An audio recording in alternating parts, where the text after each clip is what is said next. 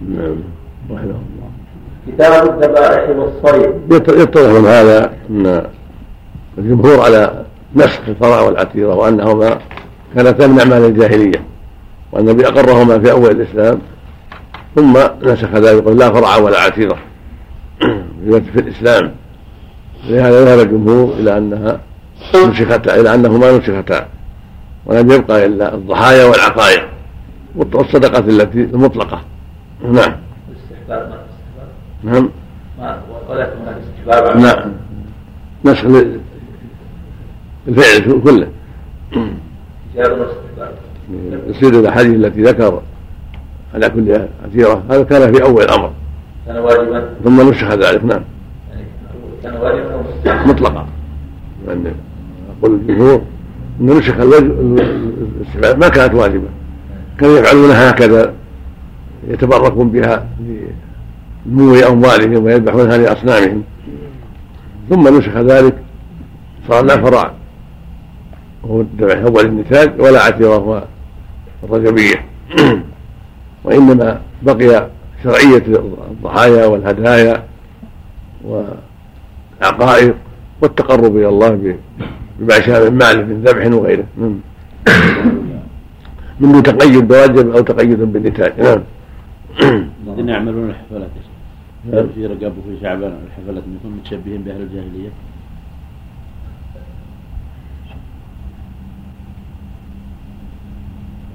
لا إذا كان لها أسباب ما هي داخل في هذا تشبهوا به إذا فعلوها كفعلهم. نعم. يذهبون بعضهم إلى بعض المقابر وإلى القبور وإلى هذا منكر في أي وقت. المدينة. أقول هذا منكر في أي وقت. الذبح عند القبور هذا منكر في كل وقت مو في رجب نعم. نفس الاحتفال ب 15 شعبان و27 رجب. هذا بدعة من لو ما فيه ذبح. بدعة ولا ما فيه ذبح. نعم. باب التسميه نعم. على الصيد يعني يفهم منها انها نسخة. نعم هذا ظاهر الحديث صحيح. يعني لا زال بعض الناس خاصه في الجنوب يعتقدون هل منها عن ذلك؟ الاصل الأصل هو النهي عن ذلك. هو ما ما يعتبر إنها جاهلية بس يعتبر إنها عادة. لا لا, لا, يتغير برجل يذبح في أي وقت كان. نعم لا قصد التقرب والصدقه يوضح لها انها نعم لا يتغير لا يتغير برجل نعم. يعني يوضح مكروه ولا محرم؟ نعم. ظاهره انه من عمل الجاهلية انه أقل هذه الكراهة. لكن ظاهر لا فرع ولا عثيره المنع. يبين ان هذا من عمل الجاهلية ثم نسخه الله بالإسلام. أما الفرع ما يفعله العثيره يفعله نفي نعم. نفي ابلغ من النهي نعم. المرأة لا وجود لها يعني. لا يجب لا ينبغي أن توجد يعني. نعم. باب التسمية على الصيد وقوله تعالى يا أيها الذين آمنوا ليبلونكم الله بشيء من الصيد تناله أيديكم ورماحكم. إلى قوله عذاب أليم.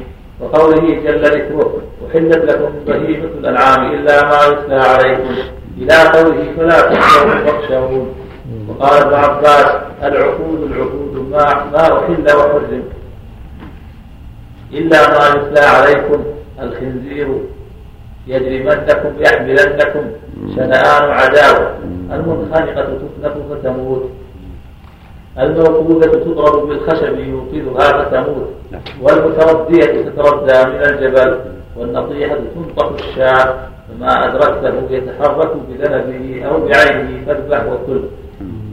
حدثنا أبو نعيم حدثنا زكريا وعن عامر عن علي بن حاتم عن علي بن حاتم رضي الله عنه قال سألت النبي صلى الله عليه وسلم. كلام المؤلف؟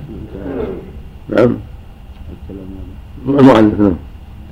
نعم. عن علي بن حاتم رضي الله عنه قال سألت النبي صلى الله عليه وسلم عن صيد المعراض. قال ما أصاب بحده فكل وما أصاب بعرضه فهو وقيد وسألته عن صيد الكلب. فقال ما أمسك عليك فكل فإن أخذ فإن أخذ الكلب ذكاء وإن وجدت مع كلبك أو كلابك كلبا غيره فخشيت أن يكون أخذه معه وقد قتله فلا تأكل. فإنما ذكرت اسم الله على كلبك ولم تذكره على غيره.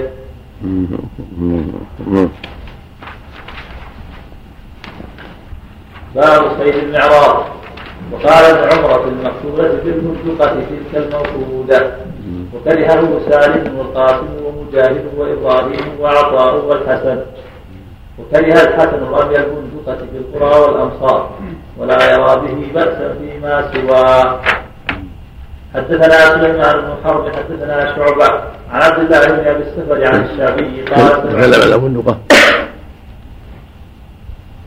قوله وقال ابن عمر في المخطوبة بالبندقة تلك المنقولة وكرهه سالم وكرهه سالم وقاسم ومجاهد وإبراهيم وعطاء والحسن.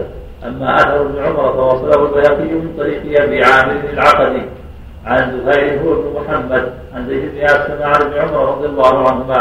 أنه كان يقول المقتولة بالبندقة تلك المنقولة.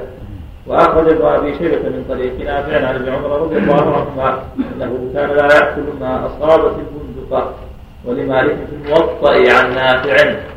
رميت طائرين بحجر فاصبتهما أما أحدهما فمات فضربه ابن عمر. وأما سالم وهو ابن عبد الله بن عمر والقاسم وهو ابن محمد.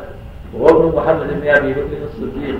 فاخرج ابن أبي شيبة عن الثقفي عن عبيد الله بن عمر عنهما أنهما كانا يكرهان البندقة إلا ما أدرك زكاة. ولمالك في الموطأ أنه بلغه أن القاسم بن محمد كان يكره ما قتل بالمعراض والبندقة وأما مجاهد فأخرج ابن أبي شيبة فأخرج ابن أبي شيبة من وجهين أنه كره. زاد في أحدهما لا تأكل إلا إن لك وأما إبراهيم وهو النخعي فأخرج ابن أبي شيبة من رواية الأعمش عنه.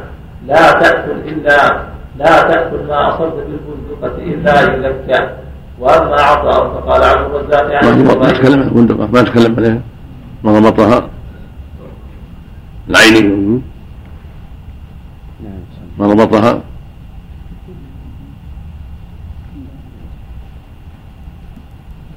البندقة تشبه الشيء الذي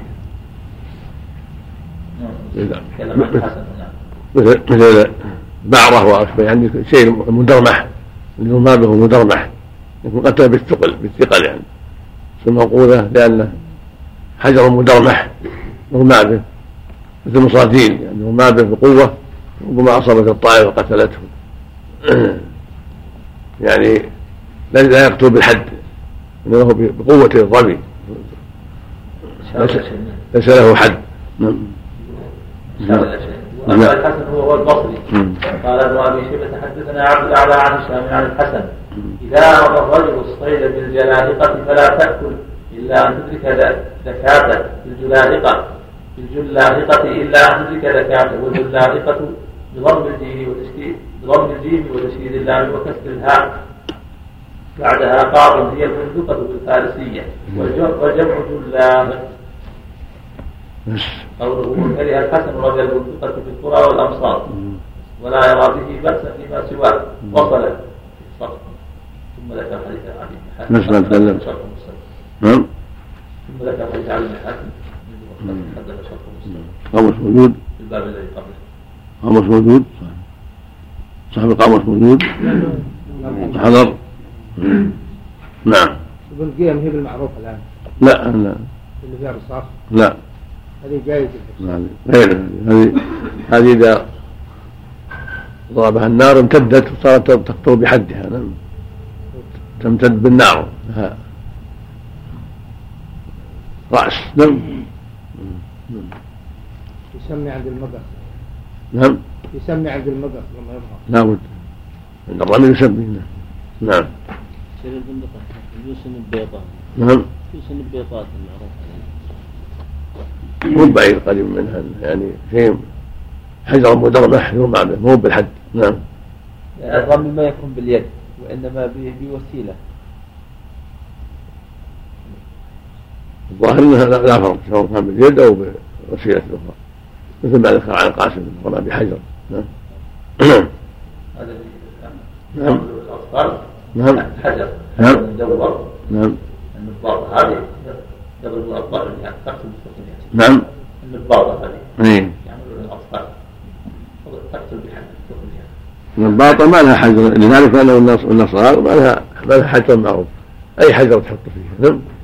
أي حجر طويل نعم. هي هي مثل مثل البندقة. لكن الذي يظهر من كلامه أن في يعني متعارف معروف نعم. نعم.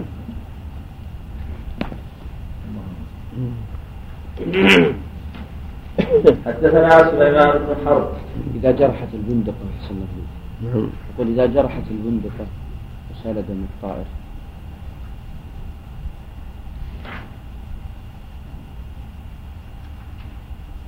محتمل إذا كان لها حد إذا كان لها حد زال المحذور أو إذا كان لها حد زال المحذور نعم.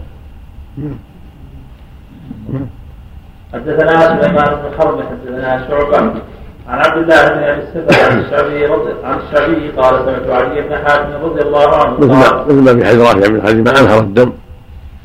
وذكر اسم الله فكل ليس السن والظفر وإذا رمى بالحجر أو الخشب وسمى هذا مو هذا ما قيل.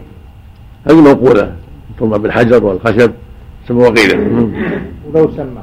ولو سمى نعم. البندقة ذكرت فيما يأتي. نعم.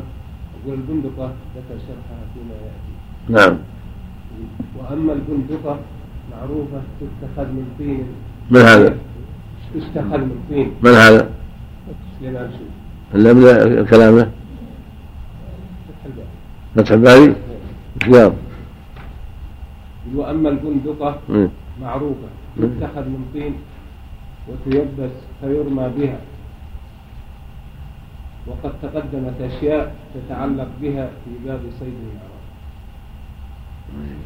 هذا سيأتي في باب باب الخلف هذا نوع نوع نعم.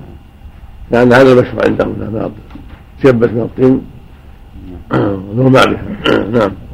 في الباب هذا سيأتي باب باب الخلف والبندقه نعم. تكلم عليه في باب الخلف والبندقه بعد هذا. نعم نعم. نعم. نعم. قال سمعت علي بن حاتم رضي الله عنه قال سألت رسول الله صلى الله عليه وسلم عن المعراض فقال إذا أصبت بحجه فكل فإذا أصاب بعرضه فقتل فإنه وكيل فلا تأكل. فقلت أرسل كلبي. قال إذا أرسلت كلبك وسميت فكل. قلت فإن أكل قال فلا تأكل. فإنه لم يمسك عليك إنما أمسك على نفسه. قلت أرسل كلبي فأجد معه كلبا آخر. قال لا تأكل فإن فإنك إنما سميت على كلبك ولم تسمي على الآخر. نعم. ولو كان الكلب الآخر معلم الظاهر هو لو لأن ما أرسله. أرسله من عند نفسه. نعم. لابد من إرسال. نعم. ولو كان من صاحب الله يعرفه. ولو ما دام ما أرسله نعم. باب ما أصاب المعراض بعرضه حدثنا قبيصة حدثنا سفيان عن منصور عن إبراهيم عن همام بن الحارث عن علي بن حاتم رضي الله عنه. قال قلت يا رسول الله إنا نرسل كلابا معلمة. قال كل ما أمسكنا عليه. قلت وإن قتلنا. قال وإن قتلنا. قلت وإنا نرمي بالمعراض. قال كل ما خرق وما أصاب بعرضه فلا تأكل. باب صيد هذا يعني القوس خرق بالراء نعم خرق نعم. رواية أخرى حزق معنى طعن يعني. نعم. نعم. خزق نعم. خزق نعم. نعم. باب صيد القوس. ما ضبطه. ما ضبطه. ما ضبط ما ضبط. خرق نعم. عندنا أحسن عليك. بفتح الخاء المعجمة والزاء بعدها قاف أي نفذ. قالوا سهم خازق أي نافذ ويقال خسق بالسين المهملة أيضا إذا أصابت إذا أصاب الرمية ونفذ منه وخزق يخزق خزوقا وسهم خازق وخاسق. وقال ابن التين خزق أصاب بحده وأصل الخزق في اللغة الطعن. ما ذكر الراء هذا ما الراء كان الرمي برواية الزاي فقط. نعم.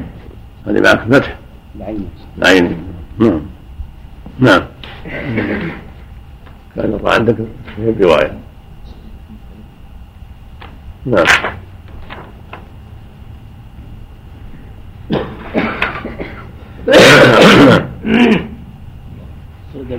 أشار الحديث الأول قبل قلت إنا نرمي بالمعراض قال كل ما خزق وهو بفتح المعجمة والزاي بعد قاف أي نفذ يقال سهم خازق أي نافذ ويقال بالسين المهملة بدل الزاي وقيل الخزق بالزاي وقيل تبدل سينا الخدش.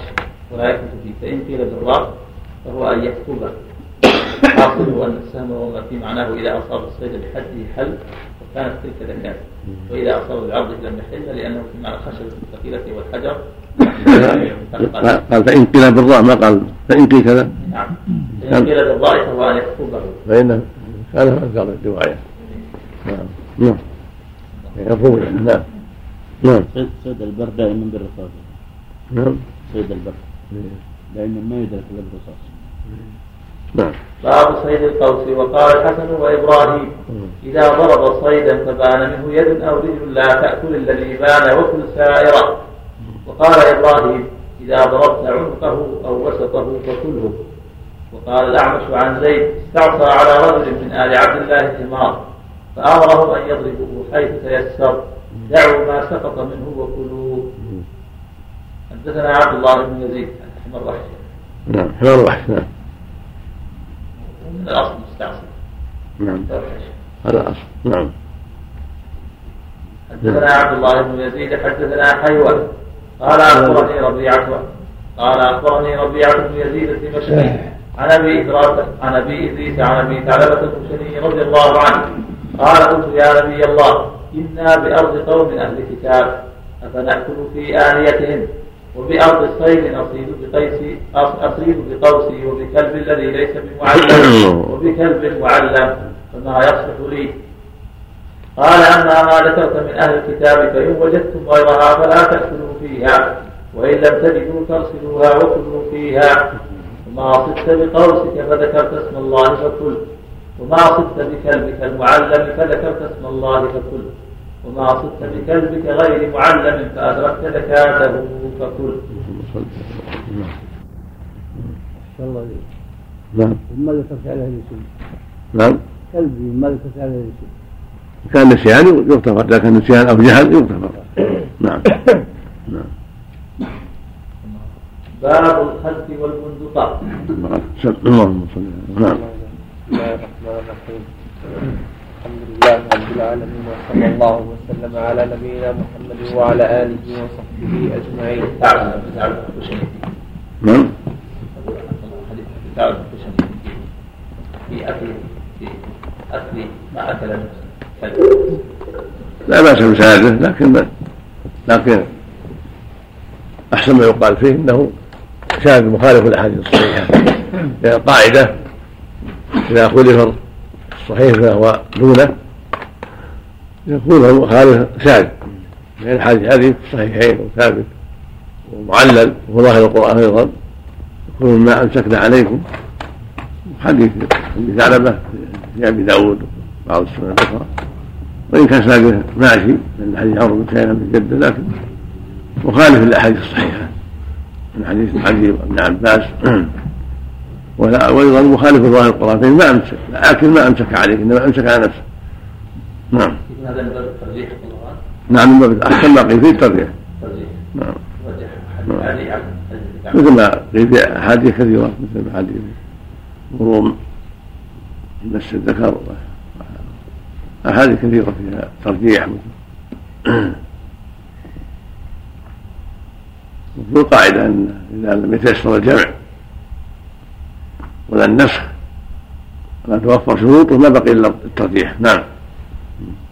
هذا يسمى هذا شذوذ الحديث المذكور نعم. يسمى شذوذ يسمى ترجيح إنه الترجيح الشاذ يرجح عليه الصحيح. يعني. ويسمى المرجوح شاذا. نعم. شرط الصحيح الا يكون شاذا. نعم. فاذا شذ صار ضعيفا. ولا ولا استقام سنده. نعم. نعم. نعم الحمد لله رب العالمين والصلاة والسلام على أشرف الأنبياء والمرسلين نبينا محمد. وعلى آله وصحبه أجمعين. قال الإمام البخاري رحمه الله تعالى باب القلب والبندقات. حدثني يوسف بن راشد حدثنا وكيع ويزيد بن هارون ولفظ يزيد عن كهمس بن حسن عن عبد الله بن بريده عن عبد الله بن مغفر رضي الله عنه أنه راى رجلا يقذف فقال له لا تقذف فإن رسول الله صلى الله عليه وسلم نهى عن القذف أو كان يكره القذف. وقال إنه لا يصاد به صيد ولا ينفع به يد ولكنها قد تكسر السن وتبقى العين. ثم رآه بعد ذلك يخلف فقال له أحدثك عن رسول الله صلى الله عليه وسلم أنه نهى عن الخذف أو كره الخذف وأنت تخذف لا أكلمك كذا وكذا. وهذا فيه الدلالة على رضي الله عنهم وأرضاهم وعلى حرصهم على تنفيذ الأوامر وأنهم إذا سمعوا من الرسول شيئا نفذوا عليه رضي الله عنهم هكذا يكون المؤمن عنده الغيرة وعنده الاستعداد الكامل للامتثال والطاعة. الله يقول جل وعلا يا أيها الذين آمنوا استجيبوا لله والرسول إذا دعاكم لما يحييكم. ويقول أطيعوا الله وأطيعوا الرسول. ويقول وما آتاكم الرسول خذوه نهاكم عنه فانتهوا. هذا حال المؤمن عند عند الأوامر والنواهي. يبادر بالامتثال في ترك النواهي وأداء الأوامر. ولهذا صاروا خير القرون خير الناس. رضي الله عنهم وأرضاهم. لاستقامتهم ومسارعتهم للخير وامتثالهم للأوامر وبعدهم عن النواهي ولزومهم للحدود. هذا عبد الله المغفل المزني. نهى بعض اقربائه عن الخلف قال إن الرسول نهى عن الخلف. ثم رآه يخلف. فقال أخبرك عن رسول الله نهى عن كذا ثم أراك تخلف لا أكلمك كذا وكذا. في رواية لا أكلمك أبدا. وهذا يدل على شدة الغيرة وشدة الإنكار على من خالف الأوامر. وأنت تجد الآن كثيرا من الناس لا يبالي بالأوامر ولا يعد مخالفتها شيئا لمرض القلوب. لمرض القلوب شدة الغربة. الرسول يأمر بإعفاء اللحى وتوفيرها وإرخائها وقص الشوارب. ونجد كثيرا من الناس الآن لا يبالي بذلك ولا يستحي ولا يهتم بهذا الأمر. وكأنه لا يسمع شيئا ولا يقال ولا يقال له شيء.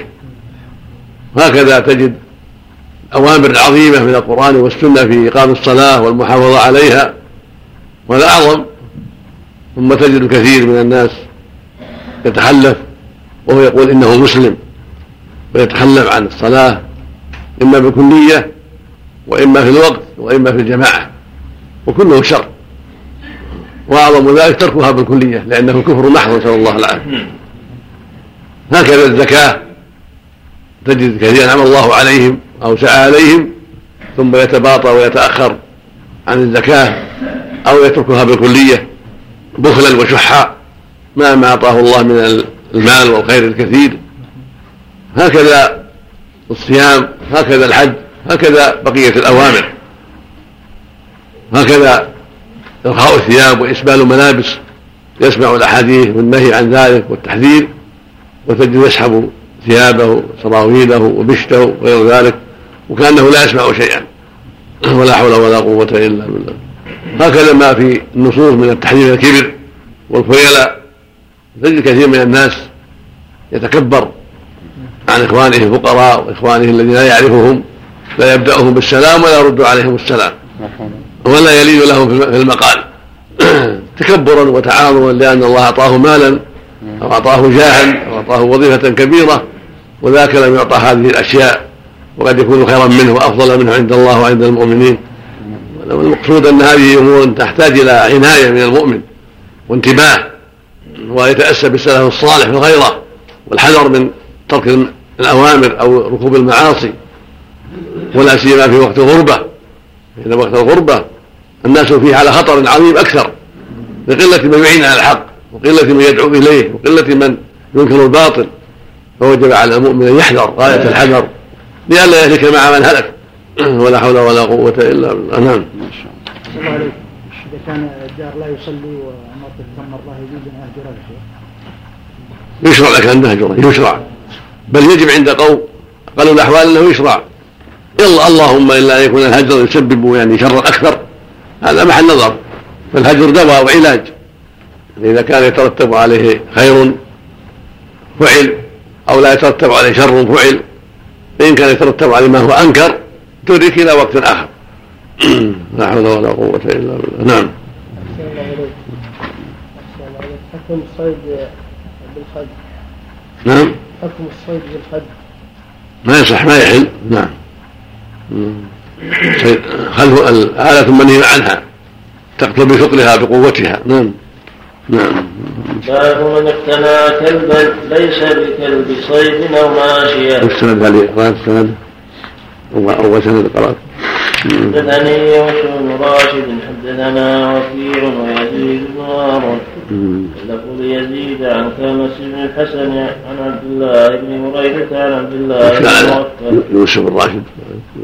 تكلم عليه قوله حدثني يوسف بن راشد وهو يوسف بن موسى بن راشد بن بلال قطان غازي نزيل بغداد.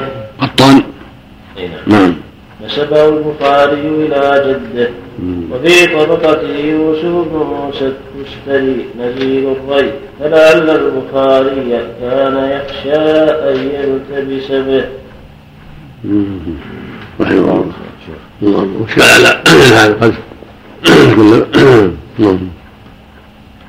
قوله رجلا لم يقف على اسمه وقع في رواية مسلم من روايه معاذ بن معاذ عن كامس راى رجلا من اصحابه وله من رواية سعيد بن جبير عن عبد الله بن موكل أنه قريب لعبد الله بن موكل قوله يخلف بخاء معجمة وآخره فأن يرمي بحصاة أو نواة بين سبابتين.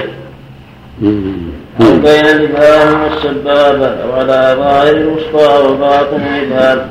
وقال ابن فارس خلفت الحصاة رميتها بين خلفت الحصاة رميتها بين أصبعيه وقيل في حصى الخلف.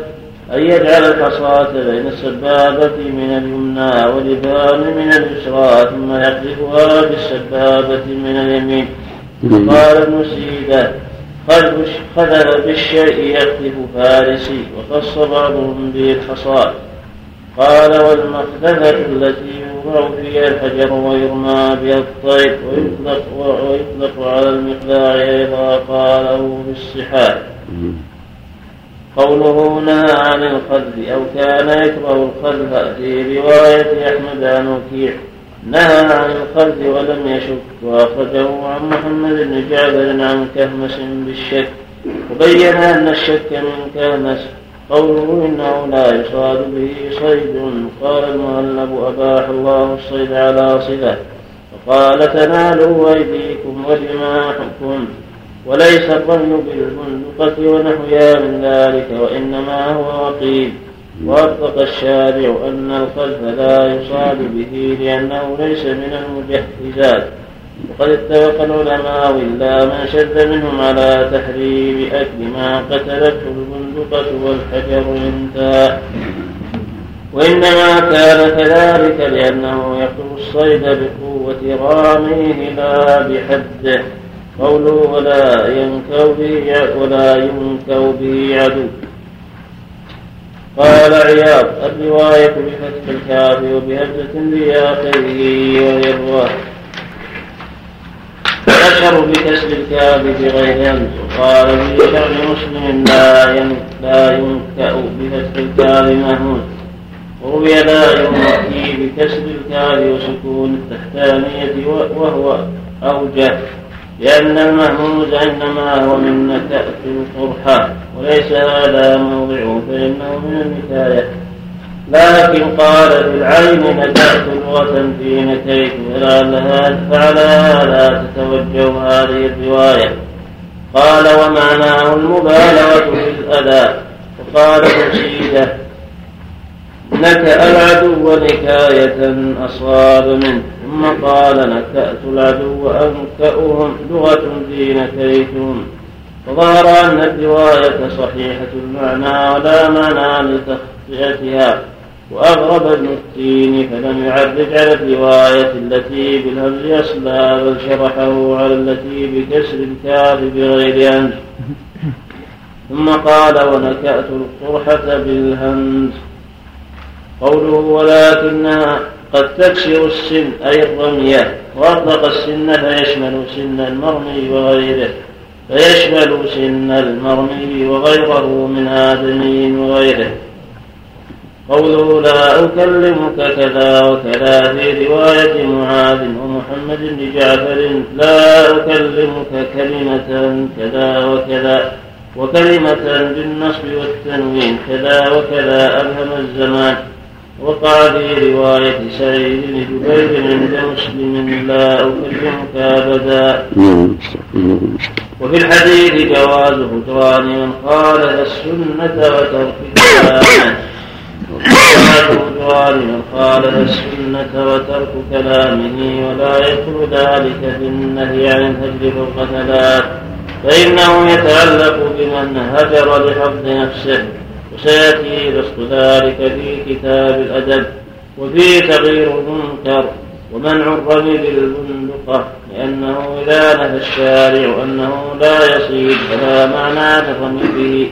بل فيه تعريض للحيوان بالتلف لغير مالكه وقد ورد لغير مالكه مالكه يكفي. المستعان نعم. النبات الظاهرة منها هي من هذا نعم. نعم. وهي المقلاع نعم. نعم. في بعض الناس يا شيخ أحسن الله عملك. إذا نهيت عن شرب الدخان وحلق اللحية أو شيء من المعاصي قال هذه قشور هذه فروع. مش وقتها الآن مدري إيش؟ على كل حال هذا جاهل مركب يغلظ يغلظ عليه ويبين له هذا ما يقال في أمور الدين قشور. كلها لب وكلها خير وكلها هدى. فمن جهله قلة بصيرته نسأل الله العافية. نعم. ينتسب للدعاء بالمدعاة ولو ولو. يبين له. وضح له ان هذا خطأ كبير وهذا غلط عظيم. فليتوب إلى الله وليستغفر. نسأل الله العافية. نعم. نعم. باب من اقتلى كلبا ليس بكلب صيد أو ماشيه حدثنا موسى بن إسماعيل حدثنا عبد العزيز بن مسلم حدثنا عبد الله بن دينار. قال سمعت عمر رضي الله عنهما عن النبي صلى الله عليه وسلم قال من اقتنع كلبا ليس بكلب ماشية أو غالية نقص كل يوم من عمله قيراطان ليس بكلب صيد اسمه أو أو غالية. غالية نعم. نعم. نعم. ليس بكلب ماشية نعم. أو غالية. نعم. اشكال على عليه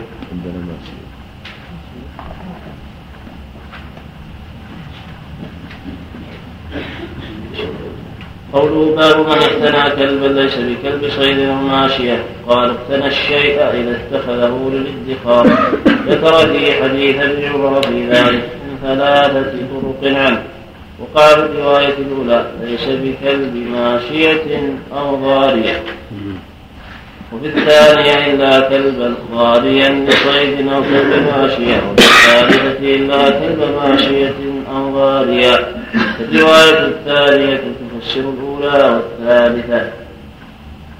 فالأولى إما الاستعارة على أن غاليا صفة للجماعة الضالين أصحاب الكلاب المعتادة الضالية على الصيد. يقال برا على الصيد براوة أي تعود ذلك واستمر عليه. وبرى الكلب وأبراه صاحبه أي عوده وأبراه بالصيد والجمع بوار وإما للتناسب بلفظ ماشية مثل لا دريت ولا تليت والأصل تلوت. والرواية الثالثة فيها حذف تقديره أو كلبا غاريا. وقع في الرواية الثانية في غير رواية أبي ذر إلا كالبغالي بالإضافة وهو من إضافة الموصوف إلى صفته. أو لفظ ضاري صفة للرجل الصائد أي إلا كالرجل معتاد للصيد وثبوت الياء بالاسم المنقوص مع حذف الألف واللام منه لغة وقد أورد المصنف حديث الباب. نعم. نعم. الجرع ما يصير فيه كذا نعم. لا يصير الجرع يصير كلب الماشية نعم. الزرع ما يستعمل له كلب. ما لا. نعم الحرث. نعم. والماشية والصيد ثلاث أشياء نعم. ثلاثة. نعم. نعم. حدثنا المكي بن إبراهيم أخبرنا حنظلة بن أبي سفيان. قال سمعت سالما يقول سمعت عبد الله بن عمر رضي الله عنهما يقول سمعت النبي صلى الله عليه وسلم يقول من اقتلى كلبا إلا كلبا ضاريا لصيد أو كلب ماشية فإنه ينقص من اجره كل يوم قيراطان. حدثنا عبد الله بن يوسف أخبرنا مالك عن نافع عن عبد الله بن عمر رضي الله عنهما قال قال رسول الله صلى الله عليه وسلم من اقتنى كلبا إلا كلب ماشية أو غارية نقص من عمله كل يوم قيراطان. ولعل ولعل السر في ذلك والله أعلم أنه يؤذي بنباحه وبإزعاجه للناس وبتنجيسه للأواني فهو شر. لكن عند الحاجة للصيد وعند الحاجة للحرث عند الحاجة للماشيه اغتفر هذا لأنه في حاجة إليه. وعند وعند فقد عدم عدم الثلاثة فلا حاجة. فلهذا جاء التحذير منه. وأنه ينقص من أجل الإنسان كل يوم قيراطان معناه سهمان من 24 سهم. ويحتمل غير ذلك لكن المشهور عند العلماء أن القيراط سهم من 24 سهم. يعني مجموع أجره ومجموع عملة في اليوم والليلة ينقص منه سهمان. من من 24 سهما. وقيل من 20 سهما. فالحاصل أنه أن هذا تنفير منه وتحذير من استعماله واقتنائه ويدخل في هذا حماية الدور وحراسة الدور. فإنها ليس من الثلاثة. وهكذا اقتناؤه لغير هذا من أي من أي سبب. وقال قوم بل يقاس عليها ما هو أولى منها وما هو أشد حاجة منها هو محل نظر. تقدم البحث في هذا. نعم. نعم. الظاهر والله وأنها كان هذا أول ثم زيد في التحذير. نعم. القول بأنها وهم نعم. القول بأنها وهم من بعض الرواة. الله أعلم. الأصل عدم الوهم. أو الأصل عدم الوهم. نعم. ومن لم يكن له أجر. نعم. ومن لم يكن له أجر. على كل حال هذا شيء قبيح وينبغي تركه واللي ما الهاجر من باب أولى. نعم. يزيده شرا. نعم. نعم. باب إذا أكل الكلب وقوله تعالى يسألونك ماذا أحل لهم. مكذبين الفواسد اشترحوا اكتسبوا. تعلمونهن مما علمكم الله فكلوا مما أمسكنا عليكم إلى قوله سريع اللسان وقال ابن عباس رضي الله عنهما إن أكل الكلب فقد أفسده إنما أمسك على نفسه. الله يقول تعلمونهن مما علمكم الله فتضرب وتعلم حتى تترك. وكره ابن عمر وقال عطاء إن شرب الدم ولم يأكل فكل. حدثنا شرب الدم ليس بأكل. سهل. نعم. نعم. نعم نعم. حدثنا قتيبة بن سعيد حدثنا محمد بن فضيل عن بيان عن الشعبي عن عبد بن حاتم رضي الله عنه. قال سألت رسول الله صلى الله عليه وسلم قلت إنا قوم نصيد بهذه الكلاب. قال إذا أرسلت كلابك المعلمة وذكرت اسم الله فكل مما أمسكنا عليك وإن قتل قتلت؟ وإن قتل قتلنا؟ نعم. إلا يأكل الكلب فإني أخاف أن يكون إنما أمسكه على نفسه. وإن خالطها كلاب من غيرها فلا تأكل. باب الصيد إذا غاب عنه يومين أو ثلاثة. اللحم يا شيخ مثلا الذي يعلق يعني في سن في مكان أسنان الكلب يعني حكمه مباح ولا يلقى؟ ما هو؟ موضع الكلب الذي يمسكه بأسنانه الكلب الموضوع. لا لا ما, ما يلقى هذا ما أباحه الله. هذا ما أباحه الله. ولهذا ما أمر الرسول بإلقائه ولا بغسله أيضا. نعم هذا مما يعفي عنه. مسألة الصيد. نعم. والطبخ وراء ذلك أيضا. نعم. نعم. حدثنا موسى بن إسماعيل حدثنا ثابت بن يزيد حدثنا عاصم عن الشعبي عن عدي بن حاتم رضي الله عنه عن النبي صلى الله عليه وسلم قال إذا أرسلت كلبك وسميت فأمسك وقتل فكل نعم. فأمسك. قال إذا أرسلت كلبك وسميت فأمسك وقتل فكل وإن أكل فلا تأكل فإنما يمسك على نفسه. وإذا خالط كلابا لم يذكر اسم الله عليها فأمسكن فقتلن فلا تأكل. فإنك لا تدري أيها قتل. وإن رميت الصيد فوجدته بعد يوم أو يومين ليس به إلا أثر سهمك فكل. وإن وقع في الماء فلا تأكل. قال عبد الأعلى عن داود عن عامر عن أبي رضي الله عنه أنه قال للنبي صلى الله عليه وسلم يوم الصيد فيفتقر أثره اليومين والثلاثة. يفتقد يفتقر. بالراء. ضبطه قوله فيفت فيفتقر اختفاء ثم مثنات ثم قاف أي يتبع فقاره حتى يتمكن منه. نعم. وعلى هذه الرواية اقتصر ابن بطال وفي رواية الكشميهني فيقتدي أن يتبع وكذا لمسلم والأصيل وفي رواية فيكفو وهي أوجه. نعم. فيفتقر أثره اليومين والثلاثة ثم يجده ميتا وفيه سهم قال يأكل إن, يأكل إن شاء. يعني ما وجد فيه أثر آخر وجد إلا أثر سهمه فهو فالظاهر أنه مات بسهم. فلهذا يأكل. أما إذا وجد فيه سهما آخر فلا. نعم. باب إذا وجد مع الصيد كلبا آخر. حدثنا آدم حدثنا شعبة. عن عبد الله بن أبي السفر عن الشعبي عن أبي بن حاتم رضي الله عنه. قال قلت يا رسول الله إني أرسل كلبي وأسمي. فقال النبي صلى الله عليه وسلم إذا أرسلت كلبك وسميت فأخذ فقتل فأكل فلا تأكل فإنما أمسك على نفسه.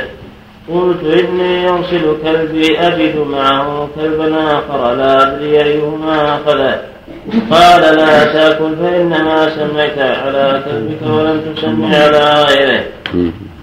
وسألته عن صيد المعراض فقال إذا أصبت بحده فكل.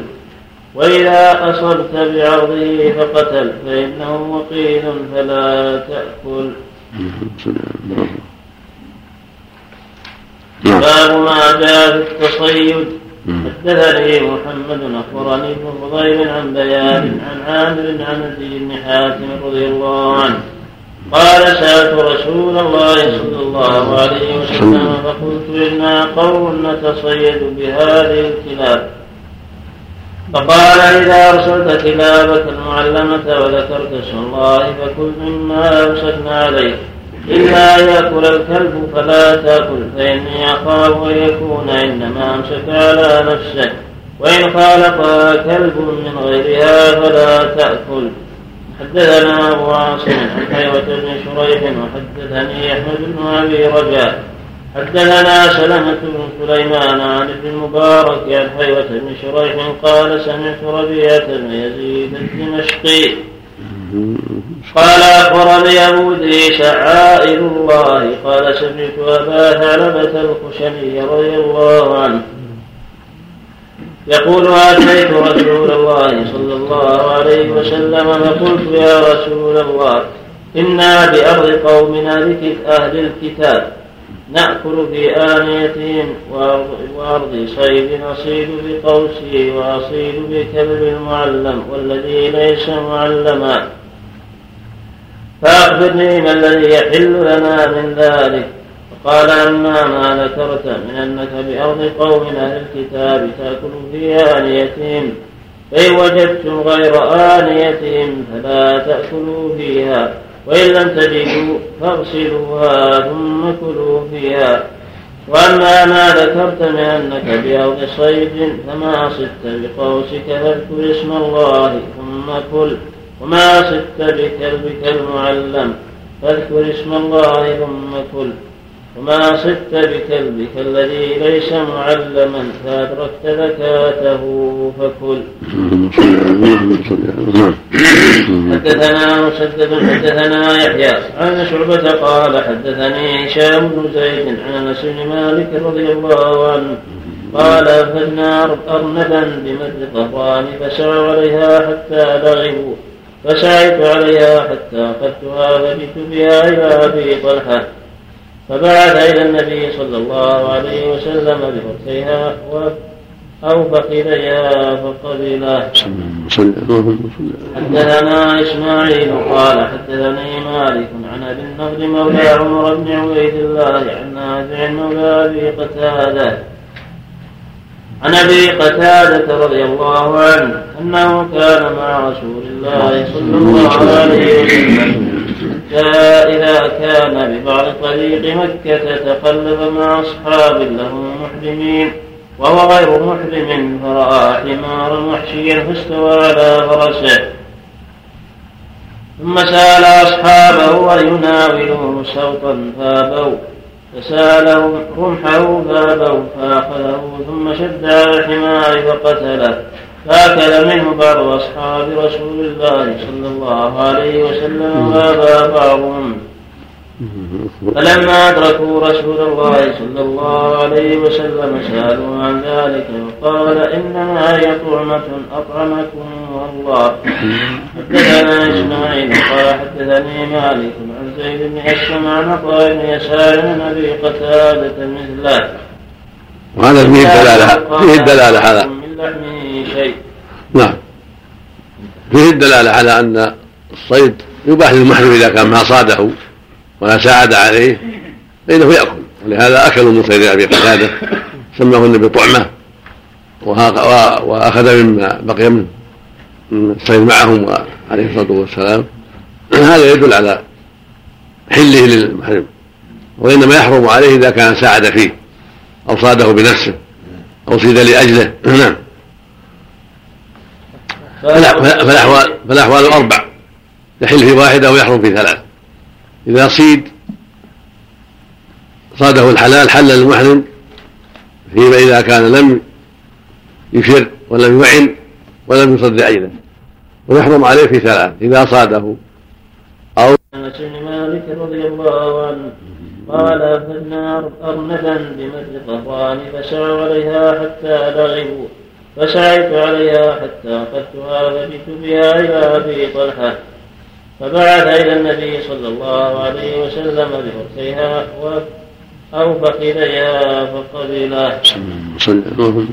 حدثنا إسماعيل قال حدثني مالك عن أبي النضر مولى عمر بن عبيد الله عن نافع مولى أبي قتادة. عن أبي قتادة رضي الله عنه أنه كان مع رسول الله صلى الله عليه وسلم. إذا كان ببعض طريق مكة تقلب مع أصحاب له محرمين وهو غير محرم فرأى حمارا وحشيا فاستوى على فرسه. ثم سأل أصحابه أن يناولوه سوطا فأبوا. فسالهم رمحه فابوا فأخذه ثم شد على الحمار فقتله فأكل منه بعض أصحاب رسول الله صلى الله عليه وسلم وأبى بعضهم فلما أدركوا رسول الله صلى الله عليه وسلم سألوا عن ذلك وقال إنما هي طعمة أطعمكم الله. حدثنا إسماعيل قال حدثني مالك زيد بن أسلم عن عطاء بن يسار من أبي قتادة مثله. وهذا فيه الدلالة. فيه الدلالة على من لحمه شيء. نعم. فيه الدلالة على أن الصيد يباح للمحرم إذا كان ما صاده ولا ساعد عليه فإنه يأكل. ولهذا أكلوا من صيد أبي قتادة سماه النبي طعمة وأخذ مما بقي من الصيد معهم عليه الصلاة والسلام. هذا يدل على حله للمحرم وإنما يحرم عليه إذا كان ساعد فيه أو صاده بنفسه أو صيد لأجله. نعم. فالأحوال فالأحوال أربع يحل في واحدة ويحرم في ثلاث. إذا صيد صاده الحلال حل للمحرم فيما إذا كان لم يشر ولم يعن ولم يصد عينه ويحرم عليه في ثلاث. إذا صاده أو أعان عليه أو صيد لأجله. نعم. صاد محرم لا يكون ميتة. صاده المحرم يكون ميتة. نعم. نعم. صاد لا أعان عليه ولا أعان نعم أقول لكن صاد المحرم وأعطاه محرم؟ وذاك لا درى عنه ولا صاده محرم ولا مو محرم؟ ما سبب فيه ولا محرم ولا حلال؟ إلا الرجل اللي صاده محرم واللي يعطيه محرم. لكن هذاك لا أعان عليه ولا درى عنه ولا لا صيد المحرم ميتة. مثل صيد الكلب اللي ما هو معلم ميتة نعم. إذا ذبحه أما إذا صاد حيا ما يخالف. صاد الرجل. حمل عليه على بقى والمشلاح اللي حمل وشه محرم ولا حلال؟ إلا محرم الرجل ذاك محرم. لكن هذا سبحان الله. لا درى نعم. عن حمل هذا المقصود ما يحل بس. نعم. لا الله يقول لا تقتلوا الصيد وأنتم حرم. حرم عليكم صيد البر ما دمتم حرما نص القرآن. نعم. نعم. باب بركه بركه سب. نعم. إذا أرسلت كلاب جماعة الكلاب وذكر اسم الله كلهم؟ صيد واحد كلهم حلال. لكن عاد يصطلحوا فيهم ما يبيع بعضهم على بعض ولا ير- يرضي بعضهم بعض. المقصود إنه حلال. يصطلحوا فيه. لا يدرى أيهم صادق. ها؟ لا يدرى أيهم صادق. ما قال حلال لهم يصطلحون فيه وإن اختصموا يروحوا المحكمة. نعم. نعم. نعم. لا لا لكنها رواية شاذة. مخالفة للأحاديث الصحيحة. فلا تعتمد. الأحاديث الصحيحة دالة على أنه إذا أكل ما أمسك على نفسه على صاحبه. ما أمسك على نفسه. نعم الكلب الضار رحمه الله اذا اقتناه من الخوف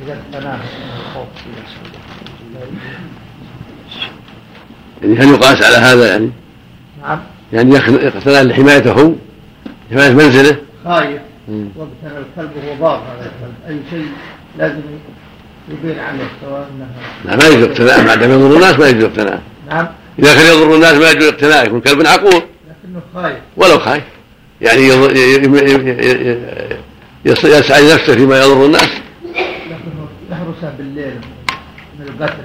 ولو ما دام إنه يضر الناس ما يقتدي أما إذا كان لا إنما نبح ولا مربوط ما يضر الناس ولا ينبه بالنبح.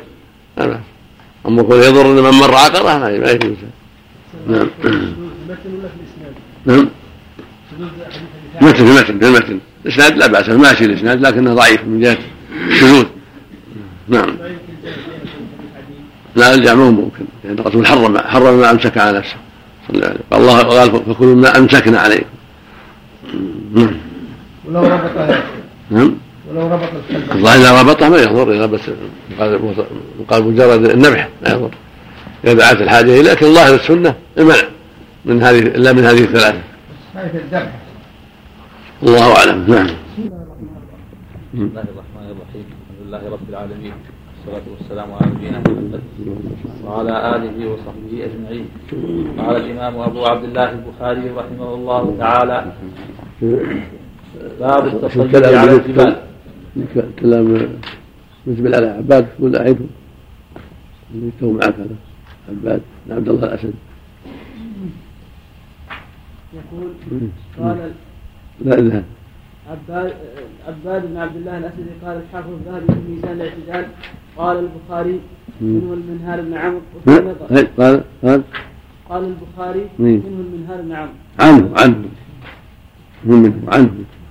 إيه نعم إيه. ثم ذكر له الحافظ الذهبي حديثا في فضل علي وقال عقبه قلت هذا كذب قلت هذا كذب على علي. انتهى انتهى من الميزان. وقول البخاري في نظر من أرضى عبارات التجريح كما في فتح المغيث من من؟ وقول البخاري فيه نظر من أربع عبارات التجريح كما في فتح المغيث. وفي السند الثاني عبد الرحمن شريف. مم. شريف عبد الرحمن شريف. قال أبو حاتم واهي الحديث وذكر ابن حبان في الثقات وقال ربما أخطأ. إن كان تهديد التهذيب فالأثر ضعيف بهذين السندين. غفل عن عن غفل عن عن عن الأعمش. هو غفل عن علة الأعمش. نعم. نعم. باب التصيد على الجبال. نعم.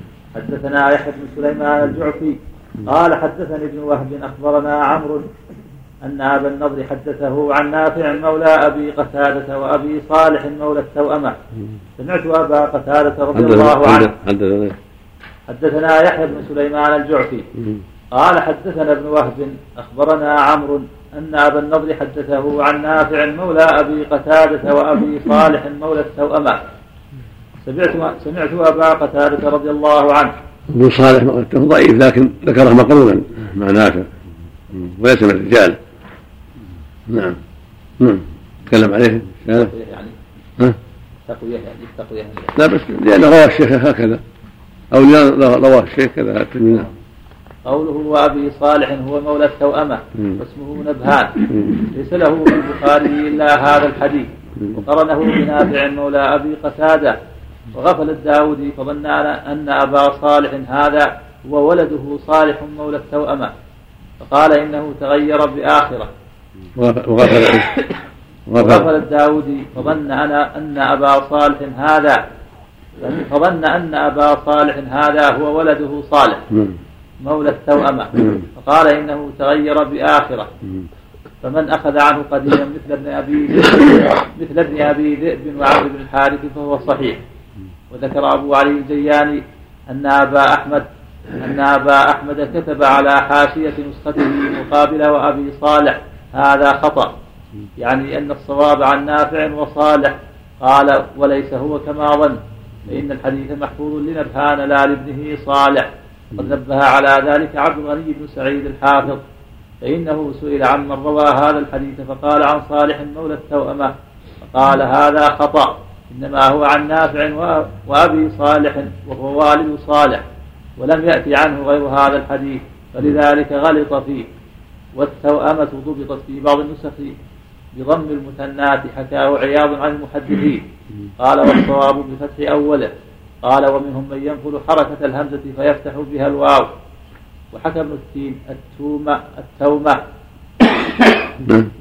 وحكى ابن التين التومة بوزن الفطمة ولعل هذه الضمة ولعل هذه الضمة أصل ما حكي عن المحدثين. نعم. نعم. هو أشار له التقريب أشار له هذا ولا ما أشار له نبه مع أبو صالح. نعم. سمعت أبا قتادة رضي الله عنه قال كنت مع النبي صلى الله عليه وسلم فيما بين مكة والمدينة وهم محرمون وأنا رجل حل على فرسي وكنت رقاء على الجبال. فبين أنا على ذا فبين أنا على ذلك إذ رأيت الناس متشوفين لشيء. فذهبت أنظر فإذا هو حمار وحش. فقلت لهم ما هذا؟ قالوا لا ندري. قلت هو حمار وحشي؟ قالوا فقالوا هو ما رأيت. وكنت نسيت صوتي فقلت لهم ناولوني صوتي فقالوا لا نعينك عليه. فنزلت فأخذته ثم ضربت في أثره فلم يكن إلا ذاك حتى عقرته. فأتيت إليهم فقلت لهم قوموا فاحتملوا قالوا لا نمسه فحملته حتى جئتهم به. فأبى بعضهم وأكل بعضهم. فقلت أنا أستوته لكم النبي صلى الله عليه وسلم. فأدركته فحدثته الحديث. فقال لي أبقي معكم شيء منه؟ قلت نعم. فقال كلوا فهو طعم أطعمكموه الله. اللهم اللهم نعم قوله هو. هو كما رأيت. هو ما رأيت يعني. ما في إشارة هذا له. يسأل هو ولم هو؟ ما في شيء لا. أقول يسألهم عنه. هو هذا ولا؟ نعم. هو ما رأيت. نعم. الظاهر ما يكفي شيء نعم. باب قول الله نعم. تعالى. نبهان. إيه. نبهان الجمحي. مولاهم والد صالح. مولى التوأمة مقبول من الثالثة. البخاري. ها. نعم. بس. نعم. مفردة. مفردة نعم. حط عليه. مقرونا مع غيره مقرونا. ذكره البخاري. في الأطعمة مقرونا مع نافع. مولى أبي قتادة الآن نعم. نافع مولى أبي قتادة نعم وما له له الموضع نعم. ليس له. البخاري إلا هذا الحديث. قرنه مم. نعم. الذبائح والصيد. نعم. نعم. الذبائح والصيد. إيه. هو في كتاب عندك بعض الذبائح في الصيد كتاب الذبائح والصيد. نعم. أشله أشله الذبائح والصيد. نعم. نعم. نعم. باب قول الله تعالى أحل لكم صيد البحر وقال عمر صيده مسطي مم. وطعامه ما رمى به. وقال أبو بكر الطافي حلال. قال ابن عباس طعامه ميتته إلا ما قدرت منها والجري لا تأكله اليهود ونحن نأكله؟ والجري إيه. لا تأكله اليهود ونحن نأكله وقال من؟ وقال من؟ وقال ابن عباس رضي الله عنهما طعامه ميتته إلا ما قدرت منها مم. والجري لا تأكله اليهود ونحن نأكله قال على مم. قوله والجري لا تأكله اليهود ونحن نأكله وصله عبد الرزاق عن الثوري عن عبد الكريم الجزري عن كلمة عن ابن عباس رضي الله عنهما أنه سئل عن الجري فقال لا بأس به إنما هو شيء كره- كرهته اليهود وأخرجه ابن أبي شيبة عن وكيع عن الثوري به وقال في روايته سعد بن عباس عن الجري فقال لا بأس به إنما تحرمه اليهود ونحن نأكله. وهذا على شرط الصحيح. وأخرج عن علي و... وأخرج عن علي وطائفة النحو والجري بفتح الجيم. قال ابن التين وفي نسخة بالكسر. وهو ضبط الصحاح وكسر الراء الثقيلة قال ويقال له أيضا الجري وهو ما لا الجريت بالتاء نعم. وهو ما لا قشر له. قال وقال ابن حبيب من المالكية أنا أكرهه لأنه يقال إنه من الممسوخ مم. وقال وقال الأزهري الجريت نوع من السمك يشبه الحيات. وقيل سمك لا قشر له ويقال له أيضا المارماهي والس- والسلور مثله سلور والسلور. مثله وقال الخطابي هو ضرب من السمك يشبه الحيات. قال غيره نوع عريض الوسط دقيق الطرفين. سبحان الله قال عليه. نعم. والأصل مثل ما قال الله جل وعلا. لكم صيد البحر وطعامه متاع لكم فهو عام. نعم. اللهم صل نعم. وقال غير شريح الآخر ظهور ماءه حل ميتته نعم. نعم. نعم. نعم. وقال شريح صاحب النبي صلى الله عليه وسلم كل شيء في البحر مذبوح. قال شريح وقال شريح صاحب النبي صلى الله عليه وسلم كل شيء في البحر مذبوح. يعني حل مذبوح يعني حل حكم مذبوح ما في ميتة يعني. نعم. وقال عطاء. قال شريح. قوله وقال شريح صاحب النبي صلى الله عليه وسلم كل شيء في البحر مذبوح. وقال عطاء أما الطير فأرى أن تذبحه وصله المصنف في التاريخ وابن مندى في المعرفة. من رواية ابن جريج عن عمرو بن دينار وأبي الزبير أنهما سمعا شريحا صاحب النبي صلى الله عليه وسلم يقول كل شيء في البحر مذبوح. قال فذكرت ذلك لعطاء. فقال أما الطير فأرى أن تذبحه وأخرجه الدار قطني وأبو نعيم في الصحابة مرفوعا من حديث شريح والموقوف أصح. وأخرجه ابن أبي عاصم في الأطعمة من طريق عمرو بن دينار. سمعت شيخا كبيرا يحلف بالله ما في البحر دابة إلا قد ذبحها الله لبني آدم. وأخرج الدار قطني من حديث عبد الله بن سرجس رفع إن الله قد ذبح كل ما في البحر لبني آدم. وفي سنده ضعف. الطبراني من حديث ابن عمر رفعه نحوه وسند وسنده ضعيف أيضا. وأخرج عبد الرزاق بسن- بسندين جيدين عن عمر ثم عن علي. الحوت ذكي كله. تنبيه. سقط هذا التعليق من رواية أبي زيد وابن السكن والجرجاني ووقع في رواية الأصيلي وقال أبو شريح وهو وهم نبه على ذلك أبو علي الجياني وتبعه عياض وزاد وهو شريح بن هانئ أبو هانئ كذا قال والصواب أنه غيره وليس له في البخاري ذكر إلا في هذا الموضع وشريح بن هانئ لأبيه صحبة وأما هو فله إدراك ولم يثبت له سماع ولا لقاء وأما شريح المذكور فذكره البخاري في التاريخ وقال له صحبة وكذا قال أبو حاتم الرازي وغيره. بس ولا سمى العيني قال شيء. حاضر العيني. ها. عمر حاضر منو معه؟ شوف شوي في التقريب صاحب النبي. قال لا ورد في البخاري يعني. سم نعم. قلنا أما الطير فأرى أن تذبح كل شيء في البحر مذبوح. فذكرت ذلك العطاء فقال أما الطير فأرى أن تذبح والعطاء هذا قول عطاء طيب. يعني من صيد البحر اذا كان ما يعيش في البحر. إذا خرج ميت ما, ما عاد يحتاج ذبح. أما إذا كان إذا خرج حي صاد حي يمكن يعني يقال بذبح. لكن الغالب إن إن السمك متى خرج؟ قليلا يموت. متى فرق الماء ما يبقى يموت. هل البحر نعم. هل في البحر طير؟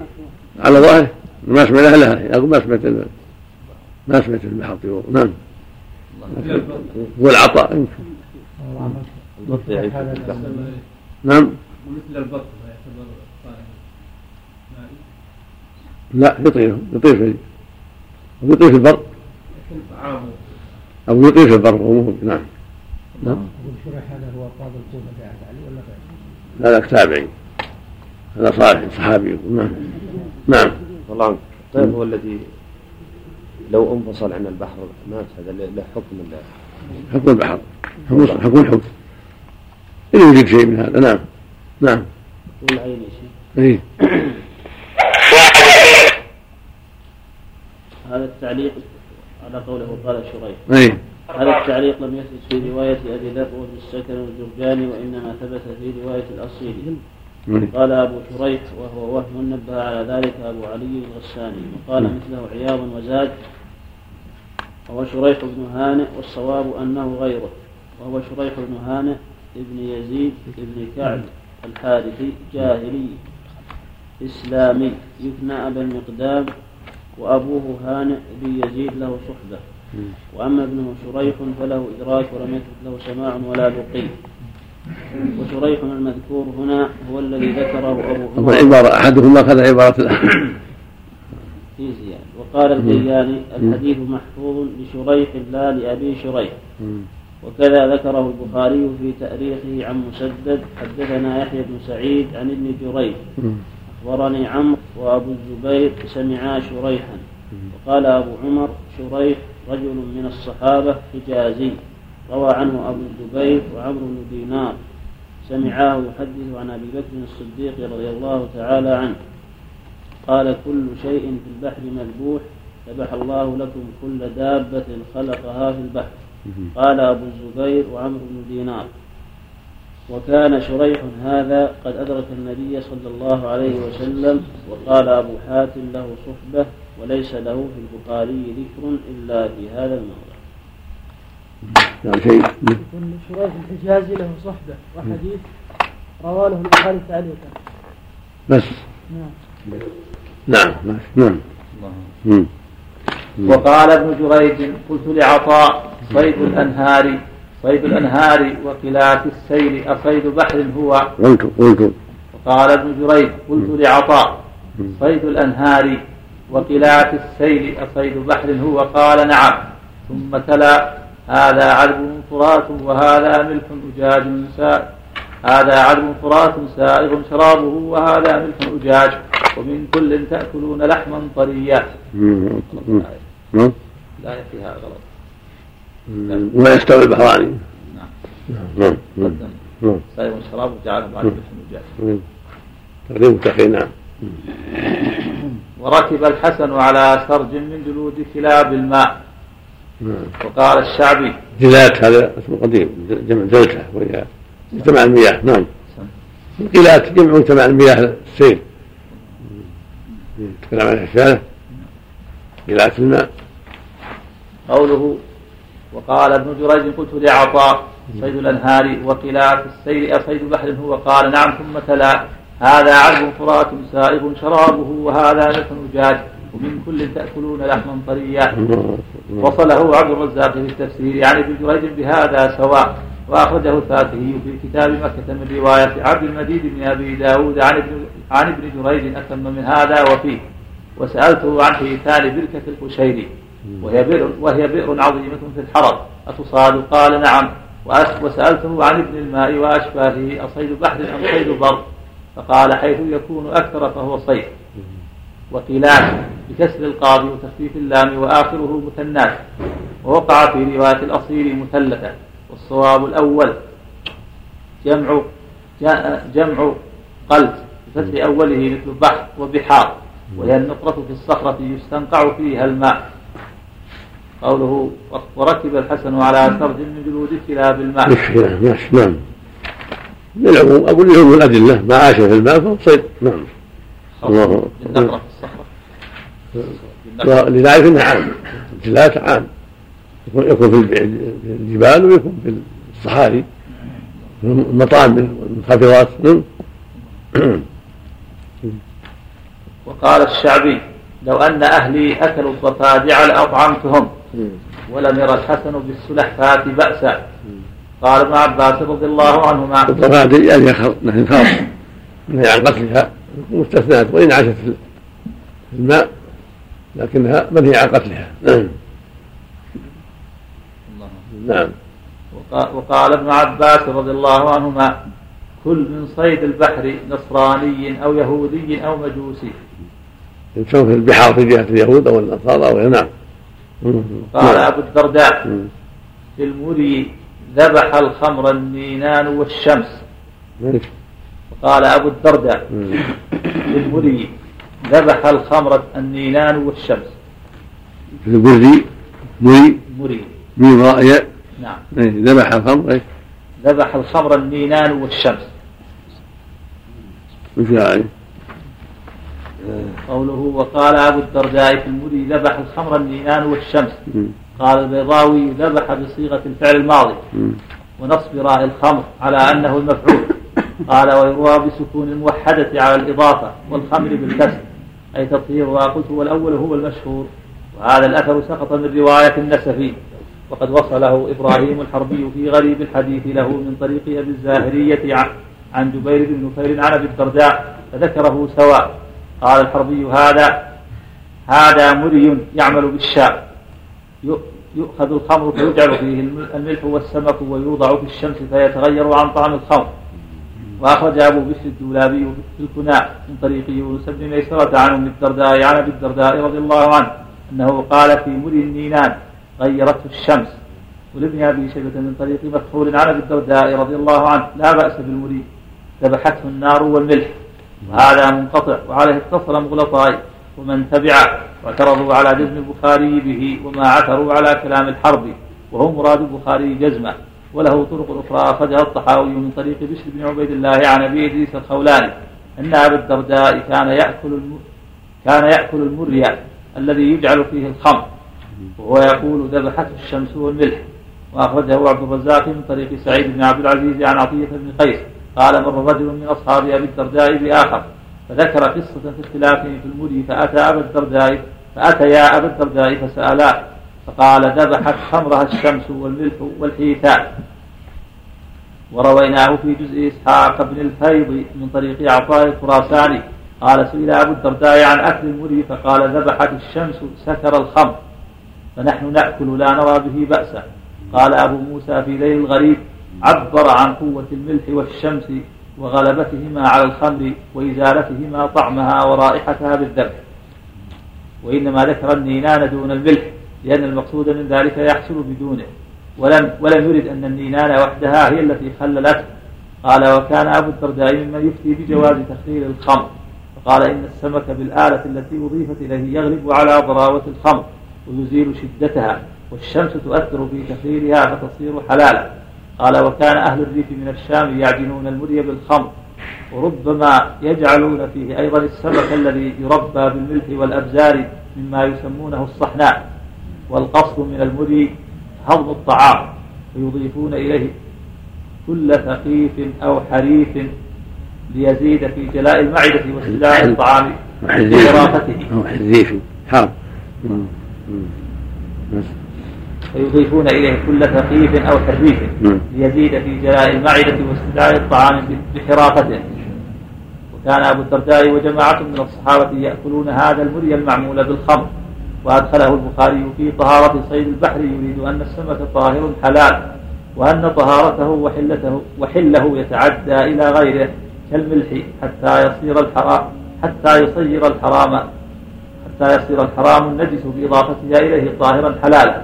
وهذا رأي من يجوز تخليل الخمر وهو قول أبي الدرداء وجماعة وقال ابن الأثير في النهاية استعار الذبح للإحلال فكأنه يقول كما أن الذبح يحل أكل المذبوحة دون الميتة وكذلك هذه هذه الأشياء إذا وضعت في الخمر قامت مقام الذبح فأحلتها. وقال البيضاوي يريد أنها حلت بالحوت المطروح فيها وطبخها بالشمس وكان ذلك كالزكاة للحيوان. وقال غيره معنى ذبحتها أبطلت فعلها. وذكر الحاكم في النوع العشرين من علوم الحديث من حديث ابن وهب عن يونس عن ابن شهاب عن أبي بكر بن عبد الرحمن أنه سمع عثمان بن عفان رضي الله عنه يقول اجتنبوا الخمر فإنها أم الخبائث. قال ابن شهاب في هذا الحديث الا خير في الخمر وأنها إذا أفسدت لا خير فيها حتى يكون إذا أفسدت إذا خللت يعني. وأنها إذا أفسدت لا خير فيها حتى يكون الله هو الذي يفسدها. فيطيب حينئذ الخلق. نعم هذا إن صح عن هذا المذكور عن الدرداء محل نظر. يحتمل والله أعلم أنه ما ما أراد انها يتعمد لكن لو وقع لو وقع.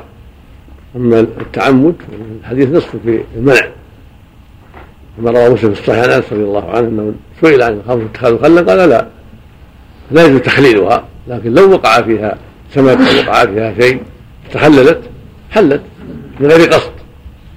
أما إذا كان أبو الدرداء يعني رأى حلها بذلك فلعله خفي عليه الحديث. يكون أبو الدرداء لم يسمع حديث أنس خفي عليه. فاعتقد انها اذا تخللت ولو بالعمد بالشمس أو أو بالملح حلت. هذا رأي له فاته فيه الحديث. والصواب أنها تحرم إذا خللت سواء بالملح أو بالسمك أو بغير هذا أو بالشمس المقصود لا يتخلل يجب إتلافها وإراقتها متى اشتدت. وليس للمسلم أن يخللها حتى يشربها لا بالملح ولا بالسمك ولا بغيرها ولا بالشمس ولا بغير ذلك بل يجب إتلافها. نعم. نعم. حديث أنس. اللي عندكم في ذات النجاسه يقولوا نعم. سمع خرج اتخذوا قال خلل قال لا رواه مسلم الترمذي قال حسن نعم. يعتبر افساد لها نعم. أقول تخليلها افساد لها يعني إبطال لها معنى إبطال شدتها يعني من هذه الحيثية يعني. إبطال مفعولها من جهة السكر نعم. قال ابن وهب بركه يكفي نعم. النينان. نعم. النينان. ما أدري ما أعرف. نعم. النينان؟ بعد سطر الكتاب إيه. وشون قال ابن وهب وسمعت مالكا يقول سمعت سمعت ابن شهاب يسأل عن خمر جعلت في قلة وجعل معها ملح وأخلاط كثيرة ثم تجعل في الشمس حتى تعود مريا قال ابن شهاب شهدت قبيصة ينهى يعني حتى تعود شراب مهضم يعني تعود خل. مري يعني شراب مهضم. هذا مري نعم. ترجع إلى أنها مهضمة نعم. يعني مري الشراب لأن الحامض من من الخلول يهضم نعم. يعني المري صار يعد عن الشراب. نعم. باعتبار ما سيكون. نعم.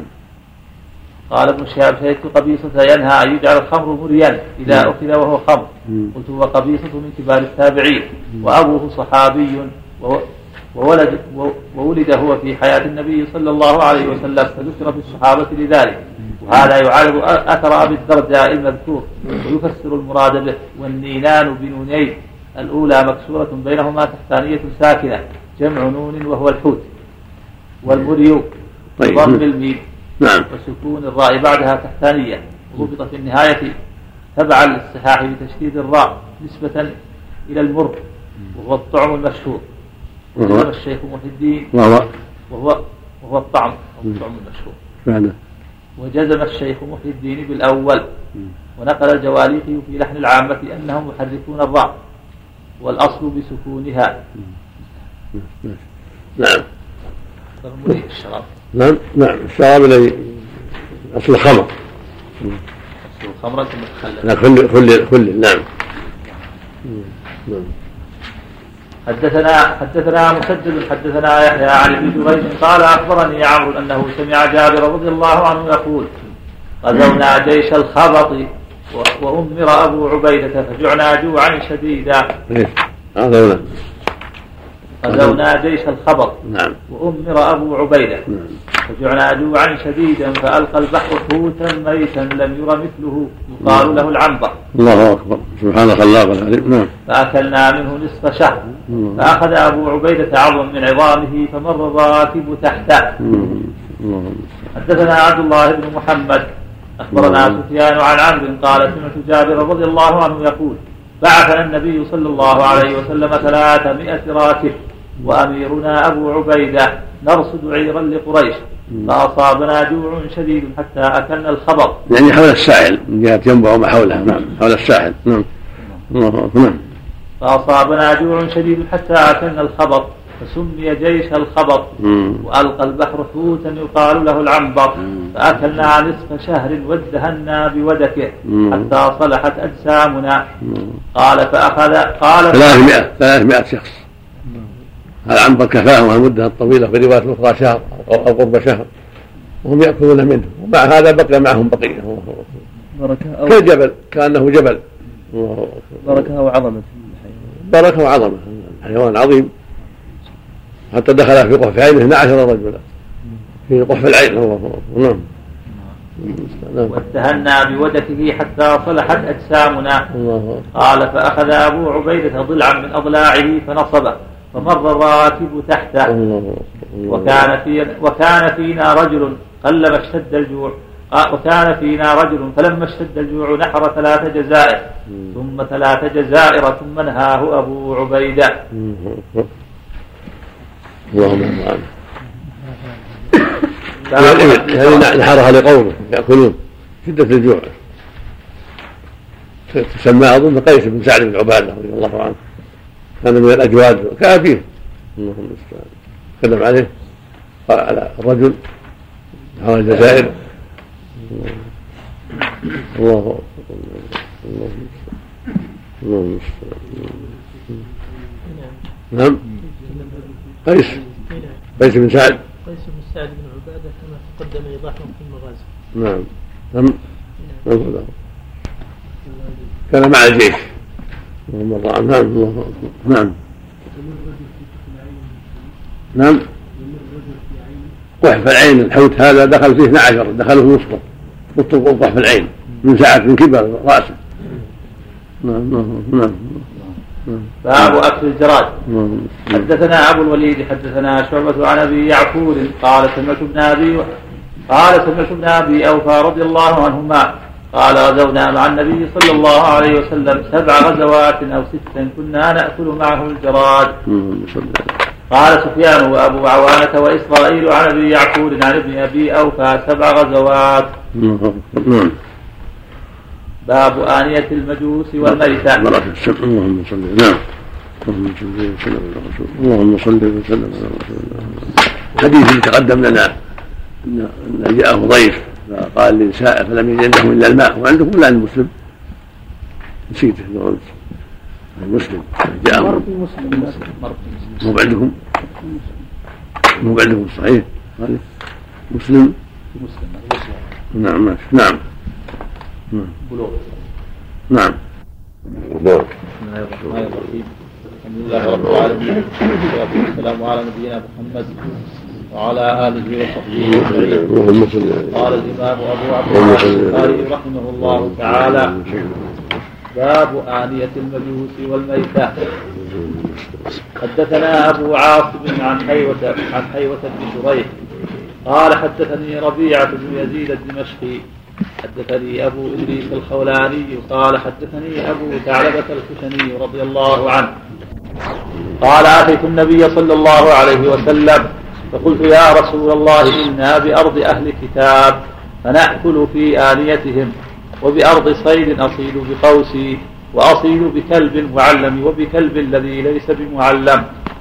فقال النبي صلى الله عليه وسلم أما ما ذكرت أنك بأرض أهل كتاب فلا تأكلوا في آنيتهم إلا أن لا تجدوا بدا فإن لم تجدوا بدا فاغسلوها وكلوا فيها. وأما ما ذكرت أنكم بأرض صيد فما صدت بقوسك فاذكر اسم الله وكل وما صدت بكلبك المعلم فاذكر اسم الله وكل وما صدت بكلبك الذي ليس بمعلم فأدركت زكاته فكله. حدثنا المكي بن إبراهيم قال حدثني يزيد بن أبي عبيد عن سلمة بن الأكوع رضي الله عنه قال لما أمسوا يوم فتحوا خيبر اوقدوا النيران. قال النبي صلى الله عليه وسلم على ما أوقدتم هذه النيران؟ قالوا لحوم الحمر الإنسية. قال أهريقوا ما فيها واكسروا قدورها. فقام رجل من القوم فقال نهريق ما فيها ونغسلها. فقال النبي صلى الله عليه وسلم أو ذاك باب التسمية على الذبيحة ومن ترك متعمدا. هذا شاهد الميتة ليس حكم ميتة مذبوحة على غير الشرع كالميتة. فتغسل الأواني بعدها. ولا يكسروها فيه غضب في إنكار المنكر. ثم نسخ الأمر في الحال بقوله أو ذاك يغسلها ويكفي. وهذا في دلالة على وجوب غسل الأواني من آثار النجاسات ووجوب الاحتياط في ذلك فإن قال في أهل الكتاب فإن لم تجدوا غيرها فاغسلوها وكلوا فيها لأنها مظنة غالبة لوجود النجاسات من الخمور أو الميتات التي في حكم الميتة. فالحاصل أن أواني الكفار تستعمل عند الحاجة إليها بعد غسلها. وما يكون أصابه نجاسة من لحم ميتة أو مذكن غير شرعي أو بول أو غائط أو غير هذا يكفيه الغسل والحمد لله. نعم. الله أكبر. قوله عليه الصلاة والسلام لا تأكلوا فيها إلا أن لا تجدوا في مثل ما في اللفظ الآخر إلا أن لا تجدوا غيرها. نعم. نعم نعم. يعني هذا معناه البعد عنها لأن قد يتساهل بعض الناس قد يأخذها ويأكل فيها ولا يغسلها. فيدل الحديث على أن البعد عنها هو الذي ينبغي. لكن إذا دعت الحاجة تغسل هذا كله إذا كانت لهم على حسابهم أما إذا كانت لنا أو سبيناها أو اشتريناها نغسلها نعم. مفهومها أنها لا تستعمل إلا عند عدم عند الحاجة نعم. إذا وجد عند عدم, عند عدم غيرها. إذا وجد غيرها وأراد أن يغسلها. مفهومها أنها ظاهر الحديث أنها لا يستعملها. لأنها مظنة التساهل. الناس مظنة التساهل في هذه الأمور. نعم. إذا كان هذا في أوانيهم فكيف مطاعمهم اللي حط يحطون فيها لحم لحم خنزير وجهة خضرة ثانية ويدخل واحد يأكل منه. كيف يجوز دخول مطاعمهم؟ مثل ما مثل ما أباح الله طعامهم النبي أجاب دعوتهم عليه الصلاة دعوة أهل الكتاب. نعم. إذا علمت أنه محرم فلا تأكل وإذا لم تعلم فالأصل إباحة. يدخل فيها خنزير وغيره ويبرك في الأواني يغرفون لهذا يغرفون لهذا تعرف. الله طعام أباح طعام أهل الكتاب. فإذا وجدت فيه شيئا فدع والا فالأصل حله. نعم باب التسمية على الذبيحة ومن ترك متعمدا. وقال ابن عباس من نسي فلا بأس. وقال الله تعالى ولا تأكلوا مما لم يذكر اسم الله عليه وإنه لفسق. والناسي لا يسمى فاسقا. وقوله تعالى وإن الشياطين ليوحون إلى أوليائهم ليجادلوكم وإن أطعتموهم إنكم لمشركون. حدثنا موسى بن إسماعيل حدثنا أبو عوانة عن سعيد بن مسروق عن عباية بن رفاعة بن رافع عن جده رافع بن خ...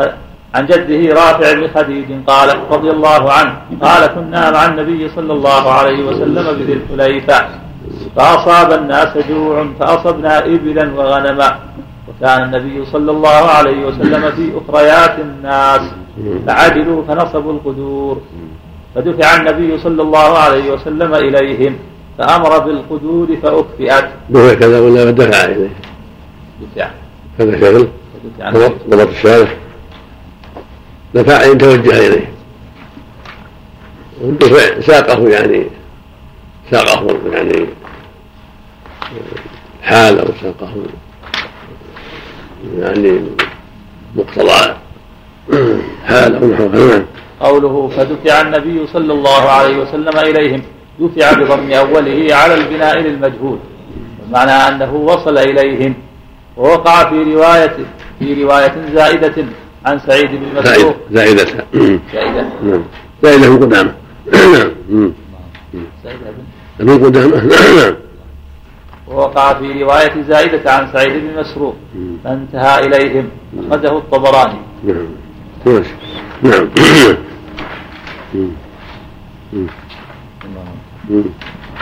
فدفع إليهم. فدفع النبي صلى الله عليه وسلم إليهم فأمر بالقدور فأكفئت ثم قسم فعدل عشرة من الغنم ببعير فند منها بعير. وكان في القوم خير يسيرة فطلبوه فأعياهم. فأهوى إليه رجل بسهم فحبسه الله.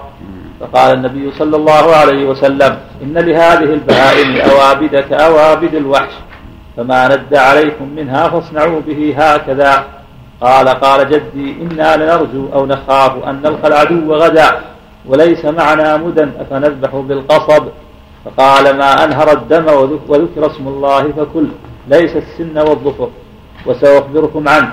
أما السن فعظم وأما الظفر فمدى الحبشة. فيه الدلالة على أن الأوابد تقتل بما تيسر وفي الشوارد التي يعجزون عن إمساكها ويخشون فواتها ترمى كالصيد ترمى كالصيد وتحل إذا قتلت. إذا كان حيا ذبحها وإذا كان ميتة حلت كالصيد. لأنها بشرودها صارت كالشيء كالصيد. هكذا ما يسقط في ما يتردى من جبل أو يسقط في بئر ولا يتمكنون من ذبحه يرمى أو يطعم الرمح حتى يذكى قبل أن يموت. نعم.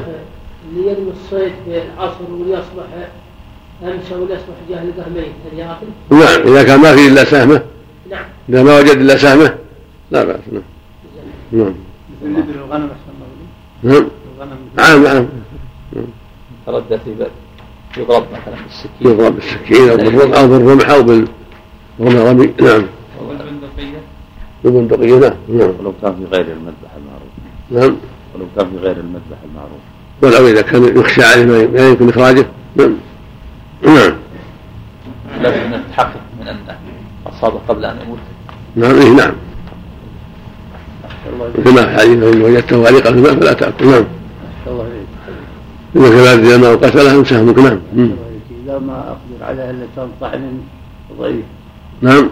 إذا كان في جيب وما أشبه ذلك ولا أقدر على إلا كان طعن بالسبوت لا لا بالطعن يقتله. لا بقول قاتل ضعيف. ما يصير شيء لا ما يحل. لا بد شيء يقتل. نعم. جزاك الله خير. بإذن صاحب الغنم ولا البقر ولا شيء بإذنه ولا بدون نعم. رمي الحيوان يعني بدون إذن ولا بإذن لا حيوانه عليه من حيوان الناس. إلا إذا أمر صاحبه واستغاث به ما يخالف. أحسن الله إليك. نعم. إذا كان في جديد ما أقدر أجي مقتله الإنسان محل طائم هي مو مع المقتل مو مع المقتل مع أي مع أي مكان. مع أي مكان طعنه بالرمح حتى قتله. نعم.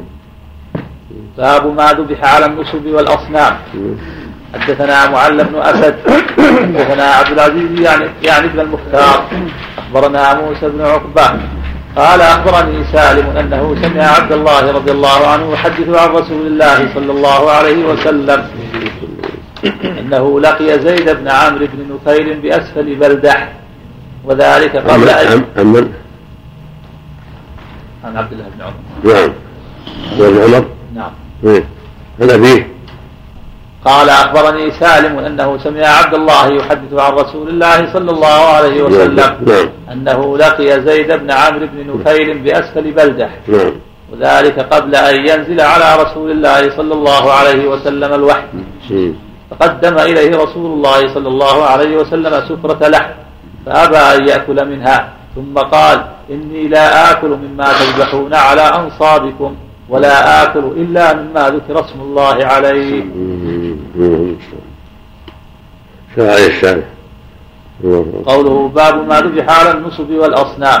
النصب بضم أوله وبفتحه واحد الأنصاب. وهي حجارة كانت تنصب حول البيت يذبح عليها باسم الأصنام.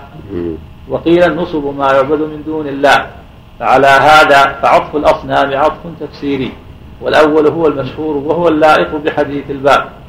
ذكر فيه حديث ابن عمر حديث ابن عمر في قصة زيد بن عمرو بن نفيل ووقع فيه من الاختلاف نظير ما وقع في هو ابن عم عمر بن الخطاب وهو في درجته. عمر بن الخطاب بن نفيل وهذا زيد بن عمرو بن نفيل جدهما القائم الادنى نفيل. نعم. ووقع فيه من الاختلاف نظير ما وقع في الرواية التي في أواخر المناقب. وهو أنه وقع للأكثر فقدم إليه رسول الله صلى الله عليه وسلم سفرة. وللكشميهني فقدم إلى رسول الله صلى الله عليه وسلم سفرة.